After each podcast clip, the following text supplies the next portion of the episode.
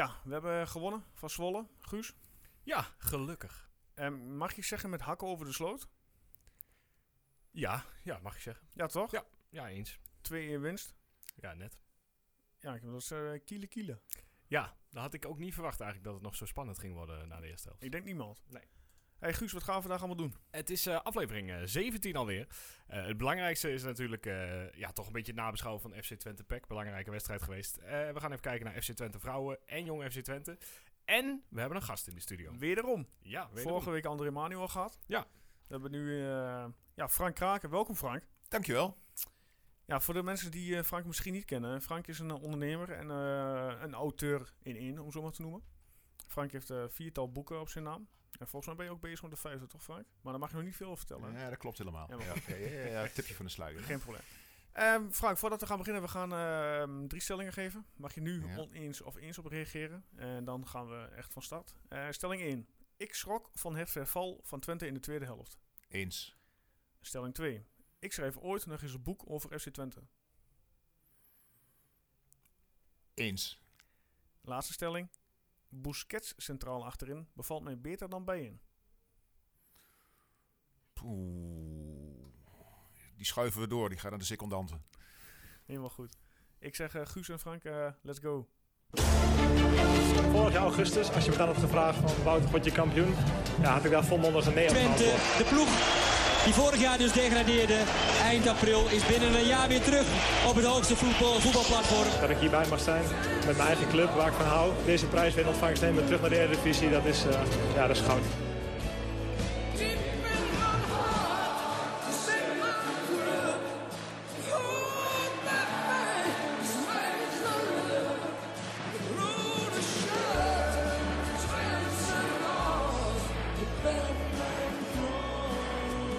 Podcast voor alle FC Twente fans. Dit is Tukker Praat. Ja, goed. eh Zwolle. 2-1 winst.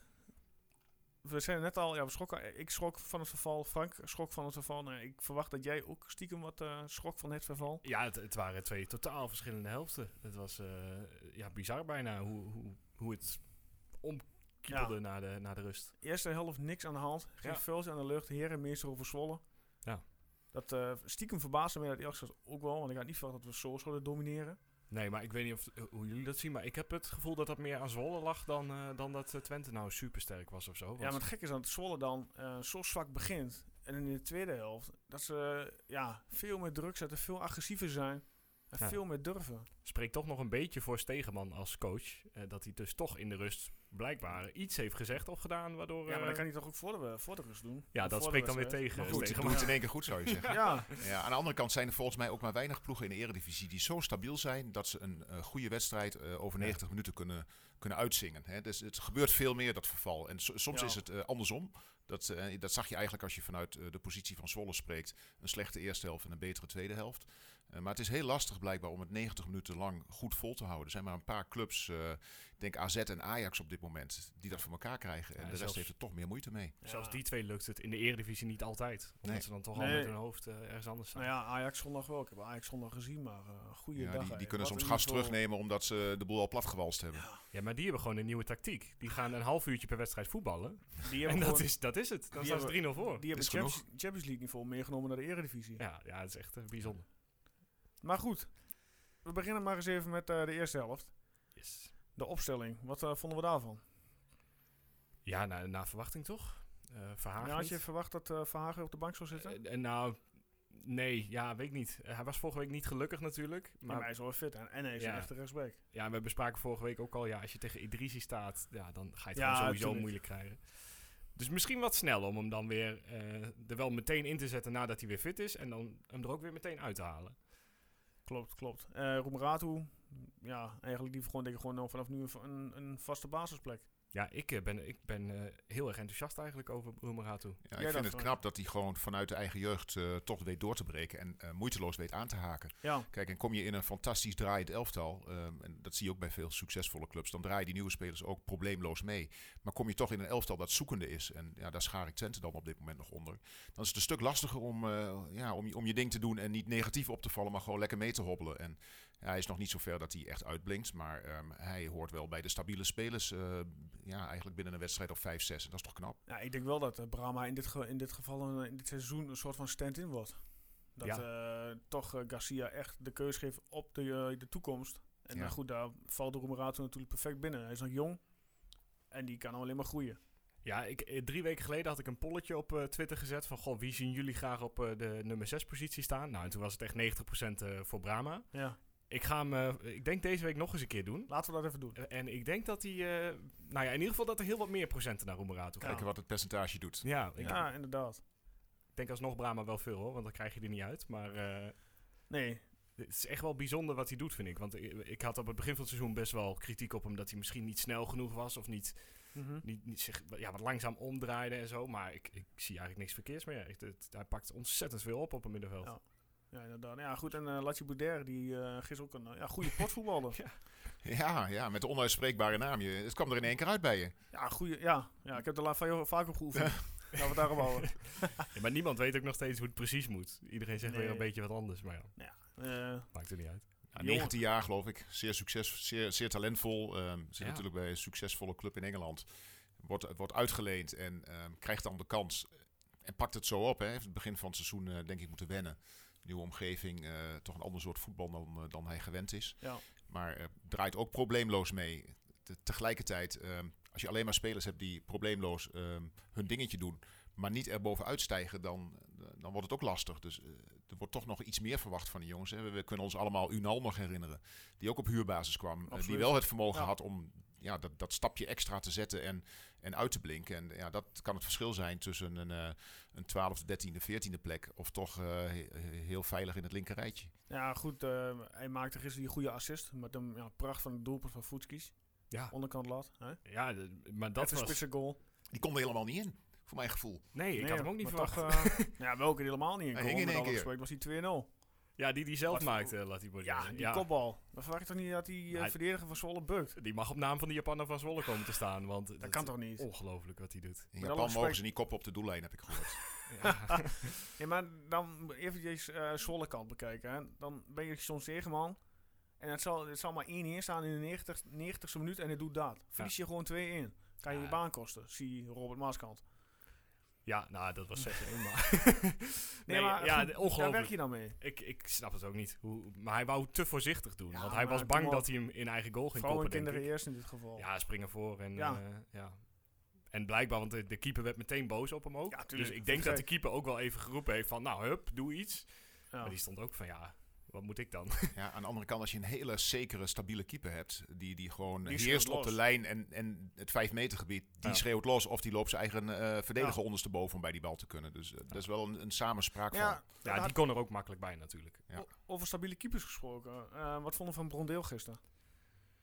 Nou ja, eerste helft eh, viel hij niet op. Want Zwolle is niet in 16 geweest volgens mij eh, van Twente. En verder, ja, ik- hij is me niet negatief opgevallen eigenlijk. Niet slecht. Nee, Nee, maar ik vond hem ook geen zekere debuut. eh, want hij, ik kan me nog herinneren, bij een actie, de scrimmage voor de goal. ehm, hij twijfelde om de bal in te gaan. Uiteindelijk wordt die bal weggerost door de verdediging. Ja. Maar ik denk als eh Drommel daar had gestaan, die had zijn lichaam die, die op die bal gegooid hoor. Ja, eens, maar En dat dat toch met zekerheid vertrouwen te maken heeft. ik heb wel het gevoel bij, bij elke keeper die Twente erin zet, die, eh, die de eerste wedstrijd voor Twente speelt, de afgelopen Ja. jaren, is het constant ja, Ja, maar een beetje hij afwachten. Eh, En- hij speelt natuurlijk, ik, ik neem aan dat hij zijn wedstrijdjes in tweede speelt. Nou, ook niet altijd. Nee, ook, dat is oh, dan ding. zit hij ook zelfs op de bank misschien. Maar, Ja. En in één keer sta je in een stadion met 25.000 man. Mhm. Ja. Eh, ik geef het je te doen. Er ligt natuurlijk wel wat druk op de schouders van die jongen. Hij heeft al die jaren gewacht op zijn kans, eh, pech gehad. Ja. Eh, en nu krijgt hij eh, de kans en eh, moet hij er staan. En ja, doe het dan maar eens. Dus ja, als hij dan een neutrale wedstrijd speelt, dan heeft hij denk ik Ja. voor zijn doen goed gedaan. En het eh, geeft natuurlijk ook niet zo heel veel vertrouwen dat de club zo hard zijn best doet om die eh, schorsing van Drommel eh, aan te vechten. Ja. Dat ze dus blijkbaar echt, eh echt bronbeelden niet in wouden hebben. Ja, ja ik, ik heb die beelden heel vaak teruggezien. Ja, ik, ik, snapte, ik snapte het protest niet helemaal. Ik Het, ook eh, en dan kreeg je één wedstrijd, heeft hij volgens mij gehad. Ja. Ik denk, ja, nou, Ja, daar hebben we het vorige week ook al over, hè? Ja. slikken, boek dicht en eh, Inderdaad. over een wedstrijd zien we wel weer. Ja, nou ja, goed, hij is er weer bij tegen VVV, dus dat scheelt. Ja. Ja, verder eigenlijk geen, eh, geen eh, ja, vreemde zaken, hè? Nou ja, het- behalve dan het, het, het verval dat de Zwolle zo eh, fanatieker in de tweede helft wordt, waardoor ja, Twente toch wordt teruggedrongen. Ja. Dat het echt eh, vechtvoetbal werd. Ja, maar ik vind het wel heel knap, dat moet je de ploeg nageven, dat ze wilden vechten. Hè? Ja, het, het, het absoluut. wedvechtvoetbal, maar er zijn ook ploegen die worden dan onderuit geschoffeld en gelopen. ben ik ook met je eens. Maar ze vochten in ieder geval Ja. en ze houden het vast. Ja. En ja, dat, eh, het verschil is nu op de ranglijst eh, zodanig dat je weer rustig adem kunt halen. Ja, je Als staat je, gelijk, voor. ja, als je gelijk had gespeeld, was het toch wat anders geweest. Laat staan als je verloren had. Dus ik, ja, ik, het was wel een hele Ik vond het een sleutelwedstrijd. Ja, ik, eh, ik, dit was de spannendste wedstrijd van het seizoen, vond ik eigenlijk tot nu toe. En Ja. met PSV er misschien bij, omdat dat het begin was en je vol energie eh, zat. Maar ik, ik zat echt eh nou, te nagelbijten op de bank. Ja, ze hadden nog kans op de 3-1, maar daar vond- daar gingen we best slordig mee om. Nou ja, dat. Er zijn meerdere kansen geweest. En ik had 3-1 gezegd vorige week. Dus ik dacht, ik zet even een paar euro op Unibet op 3-1. nou, je wil niet weten hoe ik in mijn kamer heb... Het was echt verschrikkelijk. Oh, dan zie je drie man op goal aflopen. En dan Mooi. pasen ze naar elkaar. En ze doen, ze doen allemaal niks. Maar we mogen hier trouwens geen slu sleukerkramen, dus geen eh Unibet Oh, Toto. ja, of, nee. eh, eh, ja, nee. Ja, goed. eh, ik zeg laten we dat boek eh, van Zwolle snel afsluiten. Drie punten in de pocket. Eh, we staan acht punten voor op Zwolle. We, Ja. we doen het goed. Ja, nou goed, rust in de tent kan ook zorgen dat je beter gaat voetballen. Dat je, dat je ja, wat meer vertrouwen krijgt. Dat de Ja. spelers kunnen terugvallen op dat niet iedere misser die ze maken meteen dodelijk is. Dus wat dat betreft staan we denk ik waar we horen te staan. Ergens tussen plek 8 en 12 is eh, onderdeel van het beleidsplan. Eh, Mhm. Nou, als, als ons dat lukt, dan denk ik dat we heel erg tevreden moeten zijn zo'n eerste jaar in de Eredivisie. Ja, ben ik. En dan kunnen we langzaam maar, weer, eh, langzaam maar zeker weer verder bouwen. Absoluut. Maar als je het over vertrouwen hebt, dan heb ik wel het gevoel dat dat bij de voorhoede nog wel mist. Dat ze elkaar inderdaad te vaak aankijken. En Aitor loopt dan een keer weer gewoon door op de keeper zonder dat hij überhaupt door heeft dat hij in de 16 is, volgens mij. Ja. Dus dat vertrouwen mist nog wel. Als dat voorin die knop omgedraaid wordt en ze, elkaar wel De vinden. chemie bedoel je. Ja, dat, Ja, de, ja, want het ja. vertrouwen Fuk- Fukic scoort natuurlijk een goal. Als je geen vertrouwen hebt, dan schiet je zo'n bal niet op doel. Nee, ja, dat is wel het gekke. Fuskic knalt hem in schiet het wel... dak van doel eh, op een onmogelijke manier. Dus die, die, heeft, die, die Ja. loopt wel rond. eh, die is niet voor niks clubtopscorer. Nee, die loopt rond met aardig, eh, aardig het gevoel van het lukt me wel. Ja. Maar de rest nog niet helemaal. Nee. hij was ook al tegen, eh, tegen Emmen volgens mij die bal die hij meteen uit de draai moest nemen. Vond ik ook al bijzonder dat hij die zo goed op goal kreeg. En Ja. nu weer. Gewoon perfect eigenlijk. Hopelijk eh, blijft dat zo voor Fuskic. Ja, goed. Volgende week VVV. Maar dan gaan we Twee volgende week over. Ja, inderdaad. Maar dan Nou gaan we volgende week over. Voor Fuskic staat er nog iets leuks op het programma tussendoor. Ja, Interland weekend. Hij is Een na beetje- zeven jaar is hij terug bij Ja, eh, Slovenië. Eindelijk. Ja, ja, terecht ook denk ik. Ja, ja. Absoluut. Ik heb geen idee wie er verder bij Slovenië speelt. Dus of die eh, kans maakt op minuten, Eh, geen idee. ik weet niet. Maar zou toch leuk zijn als hij even in mag vallen of zo. Scorende spits is altijd welkom. Ja, toch? Ja, Ja. dat eh zeer zeker. Misschien speelt hij wel op 10 daar. Hè? Dat kan ook nog. Ja, nou ja, dat, ik zou hem bij Twente... w- w- Fuskic, wat, wat zeg jij Frank? Eh, Tien of spits? Ik vind hem meer een 10 dan een spits. Maar als je de huidige selectie bekijkt, heb ik hem het liefst in de spits staan. Ja, het blijft denk ik gewoon het hele seizoen het verhaal. Tien of spits. En uiteindelijk denk ik gewoon dat hij in de spits blijft staan. Ja. Maar Ja, en kijk, als Berggren straks volledig fit is en ook weer wedstrijdritme heeft opgedaan. Ja. Misschien de tweede seizoenshelft dat het nog een, dat, dat, dat, dat je kunnen gaan, gaan, dan kun je gaan switchen misschien. En dan kan het nog Ja. spannend worden wie dan eh, die, die strijd wint om die spitspositie. Maar ehm, ja, ik vond Berggren wel een paar keer goed invallen. Hij start ook een keer in de basis. Ik weet niet meer welke wedstrijd dat was. Maar ja, toen was het niks, toen, hè? toen had ik niet het gevoel van die maakt het verschil. Nee. Nee. Normaal eh, gaan we naar eh, in dit geval de Twente vrouwen. Ja. Ja, maar die, ook die, die slaan we over en er was geen wedstrijd. Ja, Maar dat was ook wel even goed. Want we hebben de afgelopen weken ongeveer elke week een verliespartij Ja, van de wel. vrouwen eh, mogen bespreken. Dus eh, Een weekje rust voor de dames is niet verkeerd. Ja. Uiteraard zijn sommige dames opgeroepen voor de nationale elftallen. Ja. Ja, Jong Twente, ook geen wedstrijd. Die voetballen pas weer 26 november uit bij de Graafschap. Dus ook die hebben een, Dat is een eh, end weg. aantal, a- ja, die hebben ook een aantal dagen rust. ja, die kunnen op de fiets. eh, Ja, nee, ja, goed, dat zal vast niet gebeuren. Maar. Of net als Ajax met de trein. Maar dat is naar Doetinchem denk ik ook eh, niet, eh, niet Nee. het beste plan eh, om te gaan doen. Correct. Frank, jouw stelling. Ik schrijf ooit nog eens een boek over Twente. Daar antwoord je eens op. Ja, daar antwoordde ik eens op. Wat zou je ooit nog willen schrijven als je zeg maar, de vrijheid zou krijgen? Wat voor onderwerp of wat zou je... Ik zou heel graag het mysterie Blaise en Koufo willen omschrijven. Dat vind ik een eh, voetballer die heeft zeven jaar bij ons rondgelopen. Heeft eh, onmogelijke dingen gedaan.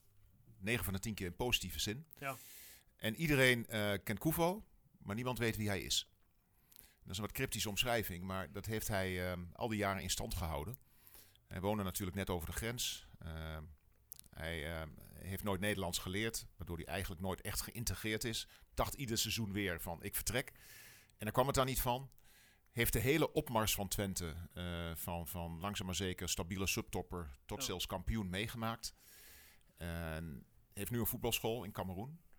Dus dat- lijkt mij een heel dankbaar onderwerp om, eh, ja, om volledig in te duiken. En ehm, het verleden, het heden en zijn toekomst te, te schetsen.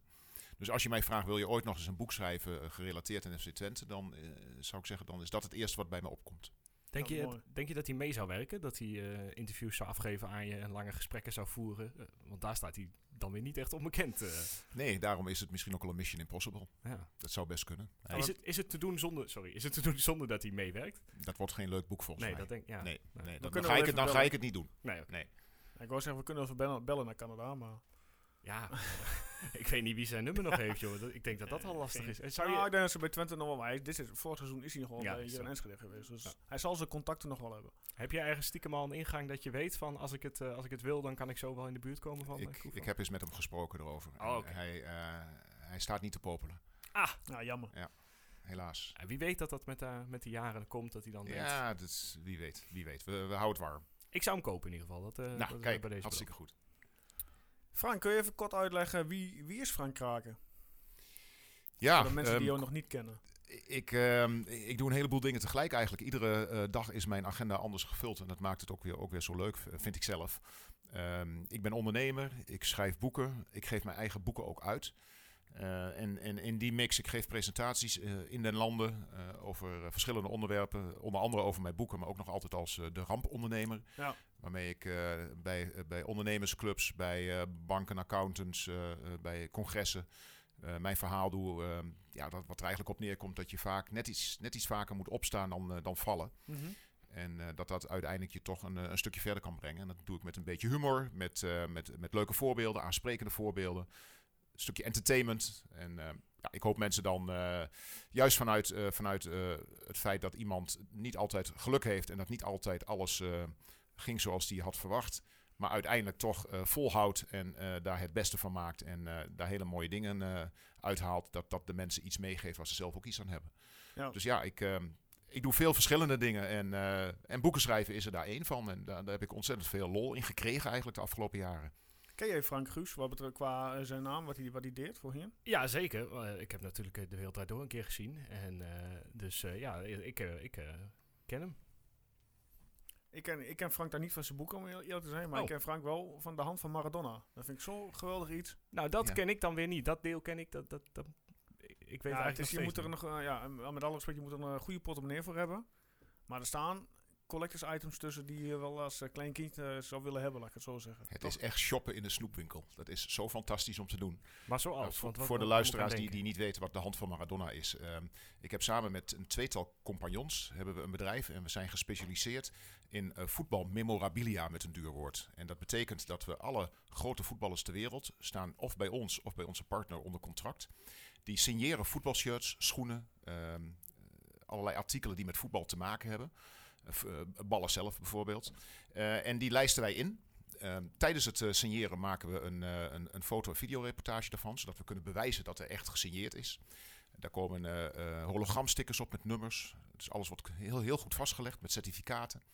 En dat verkopen wij. En nou, dan moet je die lijsten, dat is niet zomaar in een kwantumlijstje gedrukt, maar dat is echt de Rolls Royce van de lijsten. Die shirts die worden een halve centimeter opgelicht van de achterkant. En daarmee lijken ze te zweven in de lijst. Met hele mooie metalen plaatjes en foto's met zwart-wit en kleurbewerking. Wordt zo'n eh, product, eh, ja, eh, het, is bijna een kunstwerk voor aan de wand. Wordt, wordt opgepimpt. En ja, als jij een gesigneerde Messi op je kantoor hebt hangen, dan kun je ervan uitgaan dat iedere klant die bij, die bij jou binnenkomt en iedere collega, dat die even kijkt van, hé, hey, wat, wat is dat nou? Wat, eh, wat, wat, Absoluut, wat dat hebben we daar hangen? Dus ik moet ook denken aan voetballers in de, in de trend van Messi. Die, eh, Ja, Ja, ja. Messi, Ronaldo, Suarez, Bale, eh, you name it. Eh, ze staan allemaal eh, onder contract. En eh, wij doen dat samen met een Engelse partij. Eh, mijn compagnon Harm Jan, eh, die heeft het ooit uitgetest. En ik was in Amerika voor een aantal concerten van Meatloaf. Ik ben een ontzettende Meatloaf-fan. En ehm, tussendoor ben ik een- shoppingmall ingegaan en daar kwam ik in een winkel. Nou, als je het over een snoepwinkel hebt, echt ge- gesigneerde gitaren van Bruce Springsteen eh, eh, tot, eh, tot, tot van Queen. ehm Oprah Winfrey's ehm, microfoon met een handtekening erop. De grondwet gesigneerd door Bill Clinton. Allemaal zulke soort producten. En een heleboel sportitems. En in Amerika is dat natuurlijk heel veel baseball en basketbal. Maar er hingen ook een aantal voetbalitems. eh, een paar voetbalshirts. En ik heb een shirt van Pele en van Messi gekocht. Gesigneerd. Toen had ik thuis wel wat uit te leggen. Toen kon je niet meer terug, eh, de terugvlucht niet meer boeken. Nee, nou, die zijn nagestuurd met FedEx. Maar toen wa- kwam ik in Nederland en toen dacht ik, ja, maar dat is zo ontzettend gaaf. Kunnen we daar in Nederland ook wat mee? Toen ging ik googlen en in Nederland bestaat het gewoon niet. Het is er niet. En toen stuitte ik wel via Marktplaats eh, op de naam van mijn huidige compagnon, Harm-Jan. En die was aan het testen. Die had stage gelopen bij een groot Engels bedrijf die marktleider in Europa zijn op dit gebied. En die wilde dat eens uitproberen. Dus toen heb ik hem gebeld en een half jaar later was de Hand van Maradona BV eh, opgericht. En eh, dat was in 2014. En tot op de dag van vandaag doen we allerlei hele bijzondere dingen. Eh, wat- misschien mag ik twee voorbeelden noemen. Eh, toen Feyenoord kampioen werd, ehm, dat was voor het eerst in 18 jaar. Toen was het natuurlijk helemaal gek in Rotterdam. Toen hebben wij in overleg met Feyenoord, De Kuip en eh, de terreinknecht van eh, Feyenoord... en Current, de nieuwe hoofdsponsor... hebben wij een aantal vierkante meter gras uit de Kuip gehaald. En dat gras dat hebben wij ehm, gegoten in een soort polycarbonaat... En daarmee heb je dus stukjes van ongeveer eh, 6 bij eh, 8 centimeter met kampioensgras. Ja. En dat is, met, dat is ge- ge- inge- ingegraveerd. Dus het ziet er prachtig uit in een cadeaudoosje. En dat heeft eh, Current als sponsor gebruikt om eh, nieuwe eh, abonnees voor hun ehm, eh, gaswater, eh, gas en licht, eh, dus voor de dienstverlening, om, eh, om die te laten overstappen. En een ander mooi voorbeeld is ehm, net twee weken geleden was er een Chinese delegatie op eh, bezoek van het, eh, van het Chinese IOC. eh, in Eindhoven, waar we onze tweede showroom hebben. We hebben de een in de buurt van Groningen en één in Eindhoven. En ehm, daar was een van die mensen van het, van het Chinese IOC zo idolaat over de bokshandschoen van Mohammed Ali, die we daar hebben hangen. Gesigneerd en wel. 5000 euro. En hij heeft hem daar ter plekke afgerekend. Handje contantje. Nou, gepint, gepint. Met zijn dat- creditcard volgens mij. Dat is Ja. wel mooi. Maar dat zijn heel veel grote partners ook en grote namen. En, en daar heb je gewoon allemaal contact mee dan. Ja, maar we doen ook hele eh, eh, eh, lokale kleine dingen. Ehm, om, om een voorbeeld te noemen. eh, bij onze buren van Heracles Almelo. Daar is Everton de clubtopscorer. 70 doelpunten gemaakt. Nou, toen hij wegging uit Almelo ging hij naar China toe. Daarmee is hij onbereikbaar voor de fans. En inmiddels woont hij volgens mij weer in Brazilië. En eh, we hebben destijds kunnen regelen dat er een stuk of 10 shirts naar China zijn gestuurd. Met in goud het rugnummer eh, 70 voor het aantal doelpunten erop. Die heeft hij gesigneerd, foto's gemaakt en teruggestuurd. En die eh, zijn nu in de eh fans, fanstore daar te koop. Dus zulke soort eh, projecten, eh, het moeten onbereikbare spelers zijn. Hè? Want iedereen die kan eh, bijvoorbeeld bij Twente nu langs de rand van het veld gaan staan bij de training. En aan Wout Brama vragen, wil je even tekenen Wout? Dus da- daar is Ja. niet zoveel bijzonders meer aan dan. Maar eh, lezingen, schrijven, eh, dit. Dit klinkt ook als heel veel tijd. Hoe, hoeveel kost dit in de week? Nou, ik, ik, ik ben altijd bezig. Ja. Of overdag en s'avonds 60, 80 uur. Ik weet het niet. Maar ik zie het niet als werk. Ik ben gewoon, ik doe mijn ding. Ik, eh, ik, ik kijk nooit op de klok, eh, eh, los van afspraken. Maar eh, ik doe gewoon wat, wat ik leuk vind. Iedere dag opnieuw. En eh, dat, dat komt soms tot verrassende wendingen. En, en er komen hele leuke dingen uit. Te gek. En die shirts, worden die hier gewoon in Nederland ingeleest, eh, Frank? Nee, in Engeland. Daar zijn specialisten voor. Oké. Ze zijn met één shirt zes uur bezig. Zes uur? Voordat hij helemaal is ingelijst. Het is echt handwerk. Dat wordt, eh, ja, dat wordt op een hele speciale manier gedaan. Het shirt wordt helemaal strak getrokken. Jammer. Ik had graag een keer willen kijken. Ja, nou ja, in Engeland. Nou, wat wij niet verwacht hadden, is dat inmiddels is 30% van onze omzet is inlijsten. Ja. Dus daar zijn we helemaal niet om begonnen. De inlijsten is gewoon onderdeel van ons eh, totaalpakket. Maar ehm, er zijn steeds meer mensen die, hebben dan een, die kopen een ingelijst shirt bij ons. Die vinden dat zo mooi. Maar die Mhm. hebben nog een los shirt in de kast hangen van iemand. Of ze kopen er een los shirt bij. En die Ja. vragen aan ons van, kun je dat op dezelfde manier inlijsten? Want dan krijgen we een hele wand met allemaal op dezelfde Ah, wijze ingelijste producten naast elkaar. En Ja. dat, ja, dat is echt prachtig. Is er wel eens iemand, eh, een voetballer of een, een item van een voetballer geweest waarvan je dacht, ja, dat moeten we hebben, dat moet naar ons toe, eh, wat niet is gelukt? Ja, Ronaldo is eh, nu sinds een maand weer leverbaar. We zijn sinds Ronaldo naar Juve is gegaan, dat is dus bijna anderhalf jaar nu, zijn we bezig geweest. Want toen speelde net het hele verhaal met die mogelijke verkrachtingszaak of eh, dat hele gedoe rondom hem. En toen heeft hij gewoon alles afgekapt, ehm, omdat hij rust wilde Ja. en zich op voetbal wilde concentreren. Dus, eh, en toen was net die overgang van Real naar, naar Juventus was, eh, achter de rug. Dus we hebben een hele tijd geen Juventus shirts gehad en dat heeft ons echt omzet gekost. Want daar was er zeker Ja. vraag naar. Ja, dat moment was natuurlijk eh, het Ja. moment geweest om ze te hebben. En een andere enorme uitdaging, dat was... ehm, kijk, we wilden in Nederland track record. We wilden in Nederland betrouwbaarheid uitstralen. En als je dan kijkt van ja, welke voetballers in Nederland zijn relatief onbereikbaar... ehm, en, en hebben echt een grote naam. Toen viel onze keuze op het Milanese trio Rijkaard, Van Basten en Gullit. Ik denk, als ik die toch eens bij elkaar zou kunnen krijgen. En daar ben ik een half jaar mee bezig geweest. Dat is nu 2,5 jaar geleden. En dat is gelukt.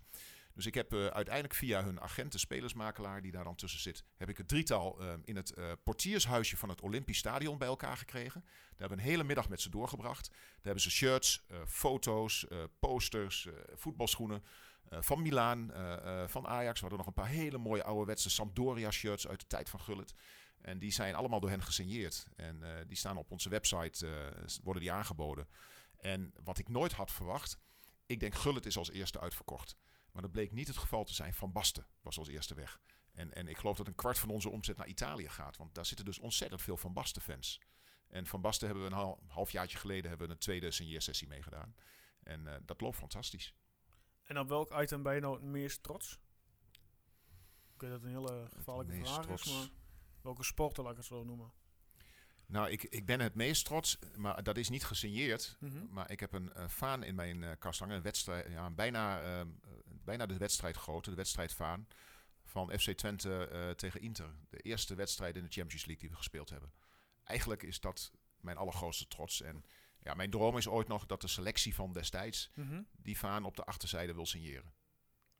Ja, dat is wel wat. Ja, dat zijn heel veel om bij elkaar te, uh, te, brengen natuurlijk. Ja, ja dat, is, uh, dat is bijna onmogelijk. Hè. Dat moet op dat moment gebeuren. Maar ja, dat is wel het item dat, dat FC Twente Champions League speelde.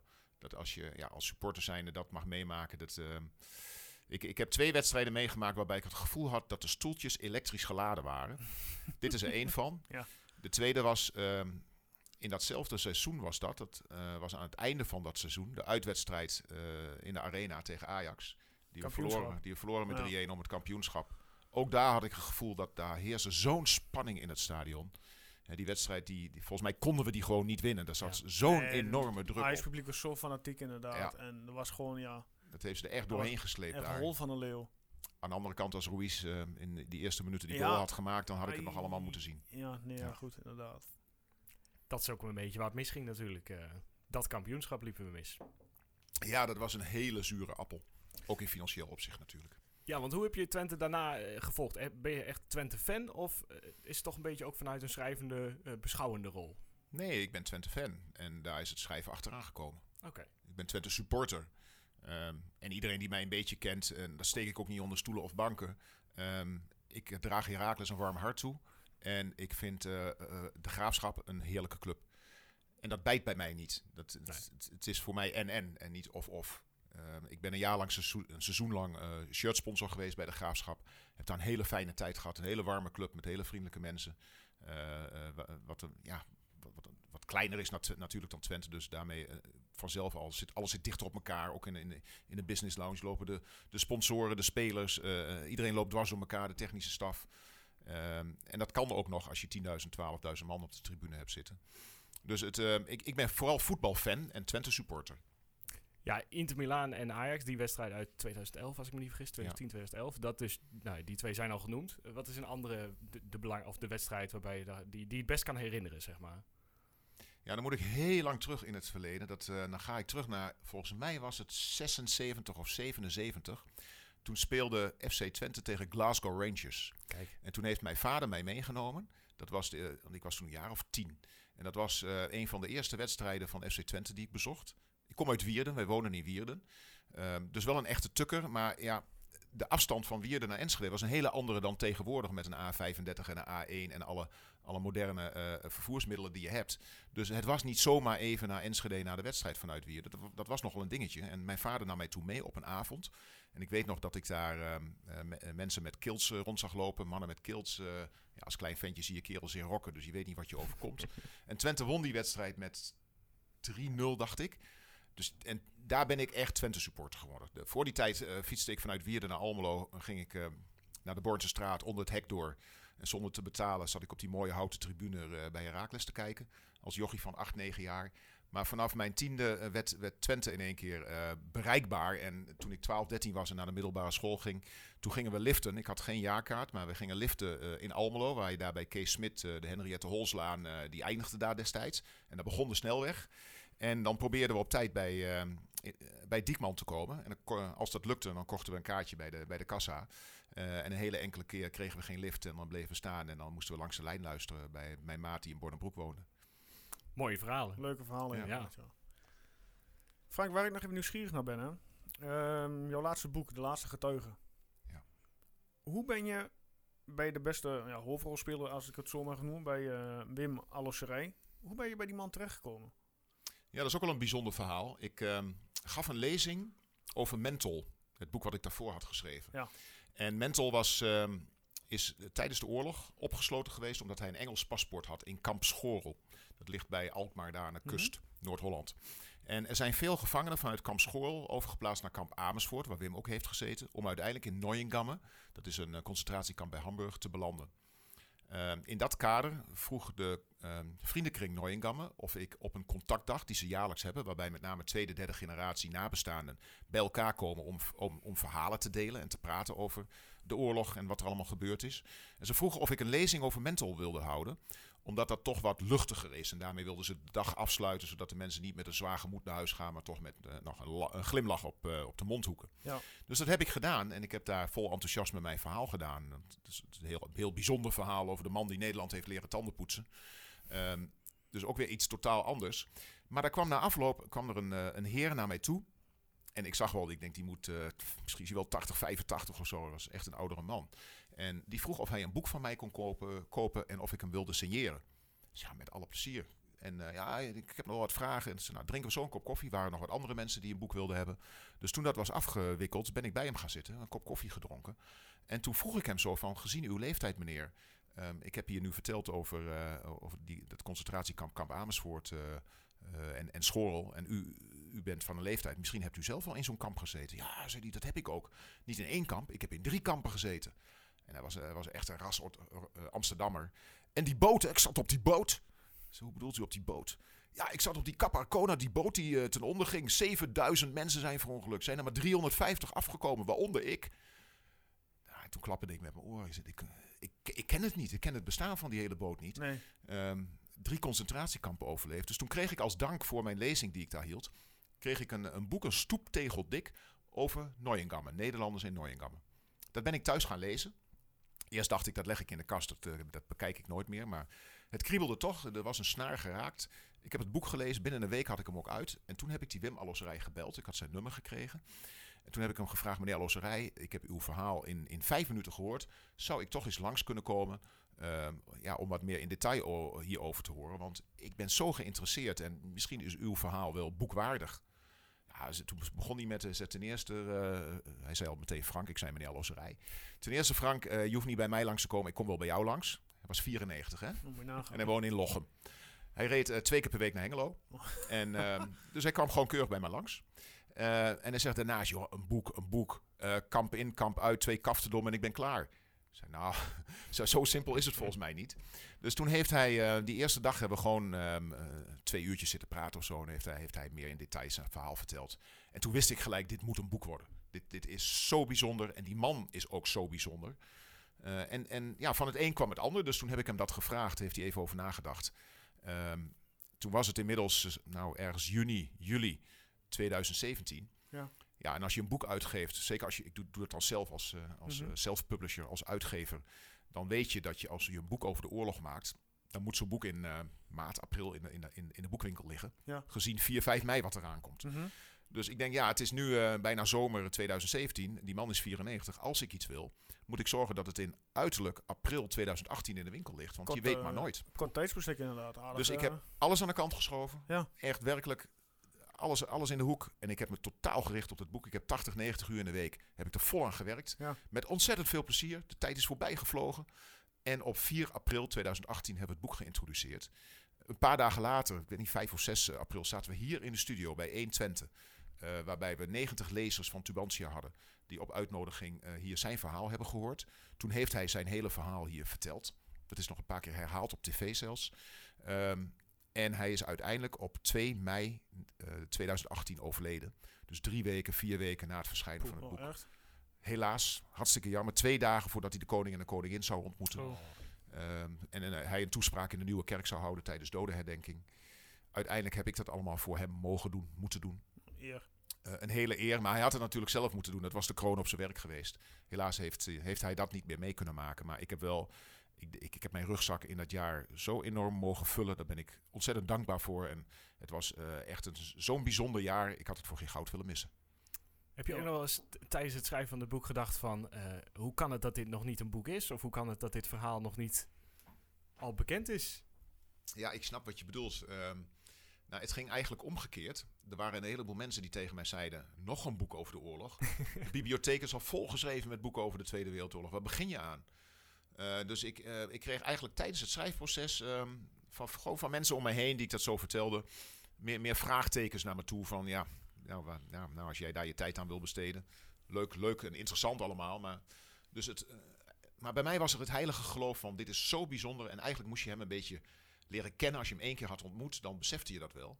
Dus ik, heb, ik ben gewoon een beetje eigenwijs geweest. En ik, ik voelde gewoon dat dit een, een fantastisch verhaal was. en een super, super man was om eh, eh, ja, het verhaal ook te doen. Hij kon echt, hij kon vertellen. Ik ben met hem op pad geweest naar zalen waar 300 mensen zaten. En dan kon je een kwartje horen vallen. Zo stil was het. En mensen na afloop die kwamen, kwamen langs om hun boek te laten signeren door Wim. En die, die konden niks meer uitbrengen. Die waren gewoon compleet van slag Ja. door zijn verhaal. Ja, dat is zo bijzonder geweest. Dus super.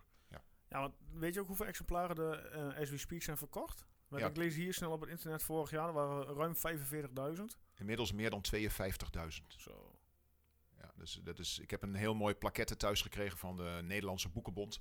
In 2018 eh, stond ik op plek 37 of 39 Ja. eh, van heel Nederland. Best verkochte boek van heel Nederland op plek je 37. nagaan. Dus, ja.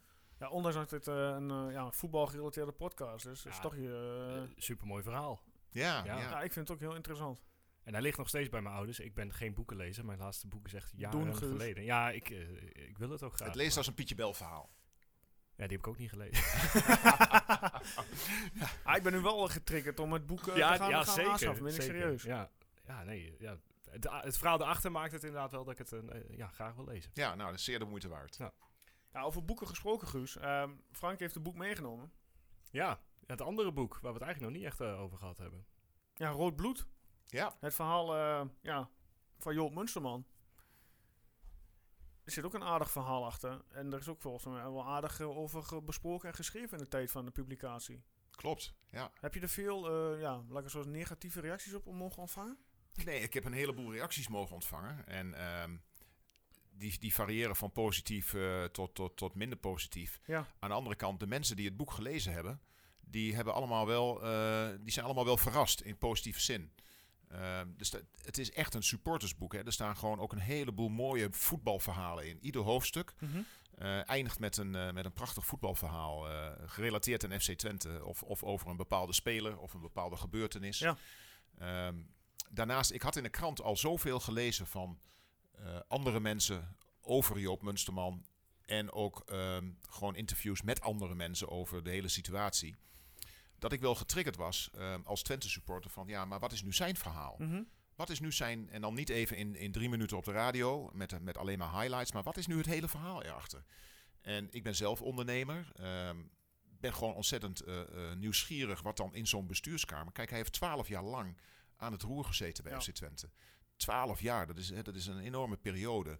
Wat is er in die bestuurskamer, wat is er bij Twente, wat is er bij de club gebeurd op eh, financieel gebied, op voetbaltechnisch gebied, op sportief gebied, eh, op, op eh, nou, qua stadion, dus facilitair gebied. Er is zo ontzettend veel in die, in die hele periode. En laat hij dat nu zelf eens vertellen. Dus wij kennen elkaar niet voor de tijd. Ik had hem geloof ik één keer op een nieuwjaarsreceptie bij de amateurclub ATC een hand gegeven. Ja. Verder niet. En ehm, ik ben naar hem toegegaan. Heb de vraag gesteld van meneer Munsterman, ik hoor regelmatig dat u een boek wilt schrijven. Wordt dat al geschreven? Of hoe staat het daarmee? Of bent u misschien genegen met mij daar eens over te hebben? En zo is van het een het ander gekomen. En uiteindelijk ehm, kreeg ik het vertrouwen dat boek te mogen schrijven. Ehm, met alle ins en outs erin. Ehm, en ik heb dat als een hele leerzame en een hele bijzondere periode ervaren. Waar Mhm. ik eh, ja, eh, soms verbaasd was. Soms was het ontnuchterend hoe Ja. eenvoudig dingen soms lopen. Ja. En uiteindelijk heeft hij op die manier zijn hele verhaal verteld van de twaalf jaar hoe hij FC Twente heeft ervaren. En ik sta er heel nuchter en neutraal in. In de zin van als mensen een andere mening zijn toegedaan, is dat hun goed recht. Mhm. En dan moeten ze maar van men, andere mensen eh, hun verhaal horen, aanhoren, eh, Ja. opschrijven uh, enzovoort. Dat, dat staat iedereen vrij. Oké. Ja, hoe was dat contact met Joop Munsterman? Was dat, eh, dat, ik neem aan dat jullie vaak gesprekken hebben gehad eh, over, erover. Ja, ik denk dat ik tussen de 45 en 50 gesprekken met hem heb gehad. Soms urenlang. Over allerlei onderwerpen. En ehm, ik heb dat als heel prettig ervaren. Eh, natuurlijk besef je als je zo'n boek schrijft. Kijk, je zit in een andere positie dan mensen die gewerkt hebben eh, bij de club of eh, bij de uitgever. Hè, want dan heb je een hiërarchische verhouding. Ja. Ehm, ik praat heel vrij. Ik ben onafhankelijk in de zin van ik hoef niks of ik moet niks. Ik, ik wil gewoon, gewoon het verhaal horen. Ja. En dat maakt het eh, voor mij misschien wat makkelijker. Ehm, ik heb geen verleden bij, bij, eh, waar, waar misschien een, een lading op zit of zo. Nee, ik ben on- onbevangen en ik, eh, ik vraag gewoon alles. En ehm, ik denk als je het boek eenmaal leest, dat je een heel goed beeld krijgt van, de- van die twaalf jaar. Waarin een heleboel dingen goed zijn gegaan.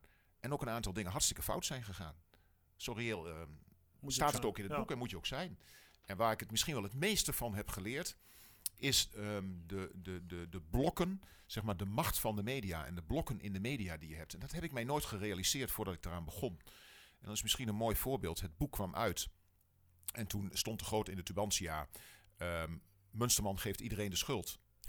Twee dagen later stond er in de Telegraaf, Munsterman steekt hand in eigen boezem. En dat ging Heel over hetzelfde boek. Heel, wisselend dus inderdaad. Het, eh, Dus ja, het is net eh, hoe, hoe interprete- interpreteer je het? Ehm, hoe wil je de dingen lezen? Hoe ga je ermee om? Welk nieuws wil je brengen? Eh, vanuit welke perspectief benader je het? Ehm, en een ander voorbeeld is, eh, we kennen allemaal het programma VI. Ja. En daar worden al die boeken, want dit is uitgebracht door VI. over Amstel is een van de grootste uitgevers van Nederland. En ik denk dat is mooi, dat, eh, dat boek dat wordt, eh, wordt daar besproken. En eh, het was al een beetje bekend dat Wilfred Gedee en Johan Derksen het niet altijd met elkaar eens waren. Ook hierover niet. mhm. Ik denk, nou, laat ze elkaar maar in de haren vliegen. De boekverkoop die spuit omhoog. Daarom. Dat is Ja. goed. Alleen, wat ik niet kon bevroeden, was dat eh, beide heren eh, net zo'n beetje de oorlogsbel begraven hadden over een paar andere onderwerpen. Dat de sfeer net weer wat beter werd. En dat ze een soort gentleman's agreement hadden. En dat was, laten we het niet over dit boek hebben, want er wordt een splijtswam. Ja. Eh, dat, dat doet de sfeer in de, bij ons in de studio en van het Ja, volgens mij was Johan uh, Derksen dit was, was pro Munsterman destijds volgens mij Ja. nog. En eh, Wilfred was eh, ja, niet... Ja. Eh. Maar ik, ik dacht bij mezelf, toen, ze dat, eh, toen dat mij te oren kwam van waarom het boek niet besproken werd. denk ik, eh, shit, dat kost me 5000 boeken. Ja, Ja, dus dat, dus zo, zo werkt het dan blijkbaar. verhaal inderdaad erachter. Maar ehm, ja, hoe gaan we weggeven? Ja, we gaan hem, eh, ja, hoe gaan we doen? Verloten, weggeven, prijsvraagje. Wat, wat, wat hebben jullie in gedachten? Laten we iets spontaans Ehm, bedenken. Nou ja, ja, VVV is pas over twee weken. Hè? Anders dacht ik eh, gewoon de voorspelling. Wie het beste, wie de wedstrijd goed voorspelt. Ja, is dat niet een beetje te makkelijk? Heb Nou. jij een idee, eh, Frank? Ja, misschien ben ik dan heel eh, direct, maar... Nou, ik laat het aan jullie. eh, ik heb hem meegenomen. Hij is voor bedankt, jullie, voor jullie luisteraars. en eh, bedenk er iets moois mee, Ja. zou ik zeggen. Ja, de- een, een leuke vraag op, eh, op social media, denk ik. eh, Ja, toch? Dat tevoorschijn Nou, dus ik zou zeggen, hou eh, Facebook, Twitter, Instagram in de gaten. En dan gaan we daar een leuke vraag over bedenken. Mag ik meedoen? Nee, Ah. wij mogen niet meedoen. Uitgesloten van deelname. Inderdaad, ja. En een leuke extra misschien, eh, degene die hem wint, die mag hem hier eh, in een ja, opname komen ophalen. En die is Oké. ook meteen een opname te gast. Ja, Is nice. dat leuk? Ja. Ja, toch? Tof. Oké, ehm, nog kort nog voordat we gaan afronden. Wat denk je waar we gaan eindigen, Frank, met Twente dit seizoen? ik denk dat we op de tiende plek terechtkomen. Oké, mooie, mooie, mooie. en dan moet ik zeggen, dan, dan eh, knijp ik mijn handen in elkaar. Ja. eh, en dan denk ik, eh, hartstikke goed voor dit seizoen. Ja. Ehm, veel meer hoeven we ook niet te verwachten. Eh, en als we gewoon heel veilig in, die, in die middenmoot eindigen... dan kunnen we weer eh, voortborduren, kunnen we weer bouwen richting de toekomst. Oké, Eh, en dan ben ik tevreden. nou super. Ehm, heb jij verder nog vragen voordat we gaan eh, afsluiten? Want de volgende staat alweer. eh Ja, nee, ja, ik, nog honderd vragen eigenlijk. Nou, stel dan voor dat zeg ik, nog een keer la- kom ik, kom ik Brand maar los hoor, dan doen we gewoon nog een tweede drie kwartier. Ja, Ja, dit is net een echte voetbalwedstrijd. Helaas gaat het niet. We hebben, de, we hebben de video eh, tot 8 uur. Maar ja, ik, ben, ik zeg serieus, kom ik je terug, Frank. Absoluut. Graag. Ik zou dat, ja, Met alle plezier. ondanks je verhalen, eh, wat mij nou al triggert. Ik Ja, ben net warm gedraaid. Ja, er is Ja, nog zoveel te vertellen. Daarom. En eh, als we Blaise en Koevo een keer tegenkomen, dan... Ja, eh, absoluut. Dan zeg Is dat eh, eh, geen leuk item voor de hand van Maradona? Shirtjes van Koufo. Eh, eh, ongetwijfeld, ja. Getekend ja hem wel. absoluut. Misschien valt daar nog wel iets in te regelen met uh, Blaise. Nou, wie weet als hij weer in de buurt is. Ja, ik wil zeggen, gewoon doen. Ja. Nou, eh, ik zeg, dit was hem voor deze week. Ja, een beetje kort. eh, nou, goed, kort. Een drie kwartier nog. Volgende ja, week... over Twente gaat dat wel. Ja, maar goed, dat- hey, eh, mag, ook- mag ook een keer. Ja, nee, ja, we hebben toch geen wedstrijd Daarom. dit weekend. Volgende week gaan we VVV voorbeschouwen. Dan hebben we te gast eh, supportersvereniging eh, FCT Hawksbergen, om het zo maar te noemen. Oké. Een keertje wat anders dan een BN'er, tussen aanhalingstekens. Ja, ja, al die BN'ers van de laatste Ja, tijd. hè? We doen het Ja, schiet mij in één keer een vraag. Je kunt natuurlijk de vraag stellen voor, de voor, voor het boek. wie wordt de nieuwe trainer van VVV? Oh ja. Ja, ja, een maaskantje ontslagen. Er waren al tien eh, sollicitaties binnen, dus dat is geen makkelijke eh, vraag om te beantwoorden, denk ik. Ja, goed. Ja.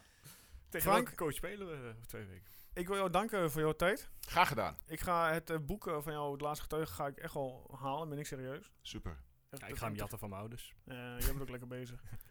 Helpt die man toch een beetje. Nou, ga, je, ga hem stelen. Held. Nou goed, ehm Guus, jij ook bedankt voor jouw tijd. Yes, geen probleem. Ehm, tot de volgende keer. Ja, even zoals gezegd Frank, we plannen echt een nieuwe afspraak in dat je nog een keer terugkomt. Top. Dat gaan we sowieso doen.